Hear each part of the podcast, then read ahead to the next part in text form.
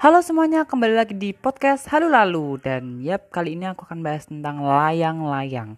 Aku tunda poin banget hari ini Karena itu yang aku dari kemarin aku pengen bahas itu Layang-layang dan yap Keep on hearing, keep on hearing. So, jadi uh, di desaku ini anginnya tuh ya nggak di desaku doang sih Tapi kayak anginnya tuh baru gede gitu loh kan musim juga kan jadi musim kemarau terus musim layang-layang terus musim jadi kayak musim layang-layang itu diapit oleh dua musim besar gitu ya musim hujan sama musim kemarau gitu kan.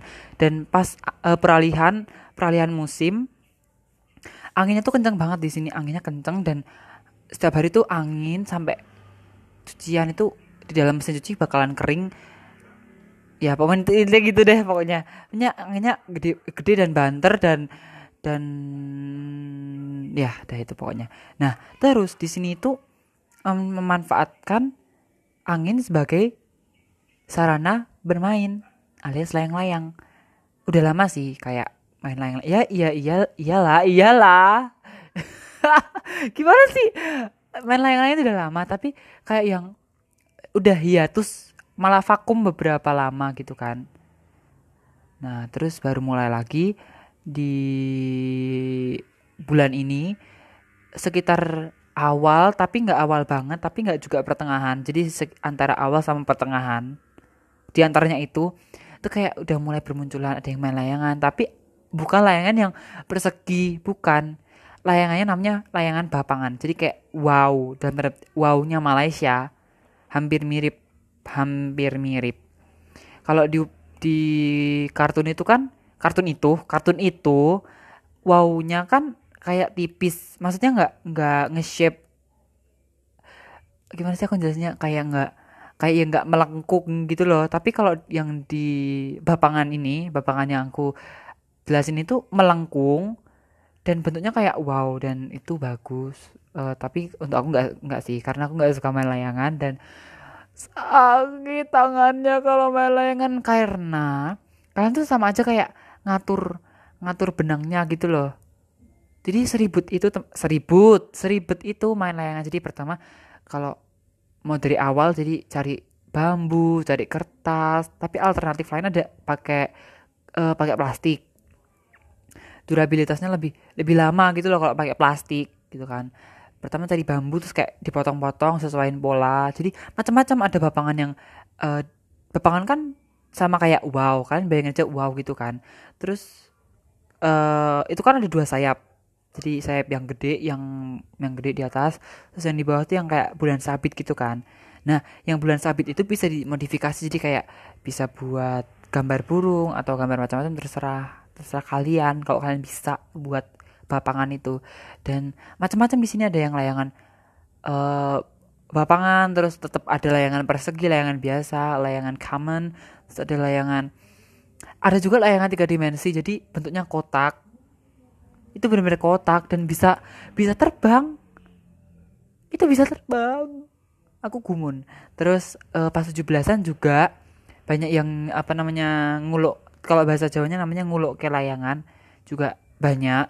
Dan mereka kreatif banget loh. Ada yang merah putih ada yang pakai gambar burung garuda dan macam-macam segalanya itu dan kepasan di sini juga banyak banget festival layang-layang. For your info. Sini nggak di desaku terus di jadi lo gandeng lo gandeng kan desaku kan? Lo gandeng terus pelembon nggak salah pelembon lor atau pelembon gitu itulah nggak tahu. Wah, masa masa daerahnya aku bing antara itu pokoknya. Terus Siono.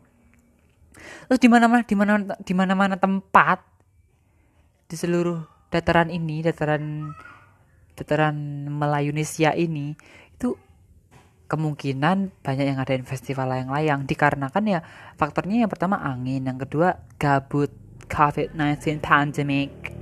Dan aku minta maaf banget bagi kalian yang dengerin podcast ini.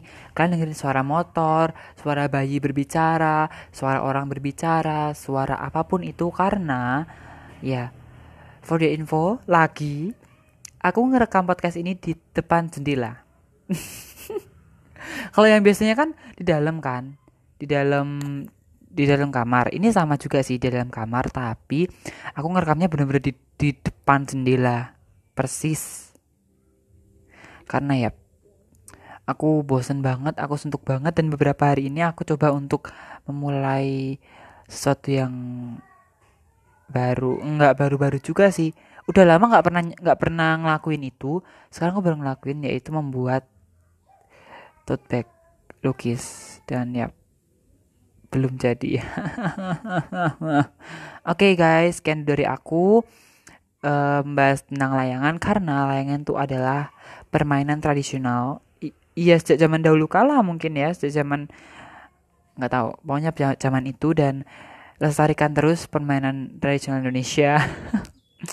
Semoga anak cucu kita kelak ngerti dan tahu dan bahkan bisa main layangan. Jangan sampai nggak bisa. Karena itulah keasikannya. Dan for aku akan cerita lagi. Aku belum akan menutup podcast ini. Saking saking ya. Saking banyak yang main layangan itu lapangan penuh. Penuh. Dan yang paling unik itu adalah layangan yang kayak naga. Jadi keren banget sumpah. Itu kayak naga gitu loh. Liong. Tapi di awan. Aku nggak tahu cara nguluk cara nerbanginnya gimana tapi kayak wow that solid gitu. Jadi kayak keren banget. Menurut aku ya kalau kalian nggak pernah lihat layangan coba deh ke Jogja terus tepatnya di Gunung Kidul. Di situ. Pokoknya di situ. Tempat eh ya di Jogja di Gunung Kidul. Dan kalian uh, kalian belusuan aja gitu ke desa-desa gitu. Pasti mereka kayak uh, main layangan. Tapi cuman pas musim layangan jarang-jarang orang main layangan pas nggak musimnya. Jadi yang nggak nggak bareng-bareng gitu. Jarang banget. Bahkan kayak nihil people main layangan. Oke sekian dari aku dan makasih banget dengerin podcast lalu-lalu stay tune terus.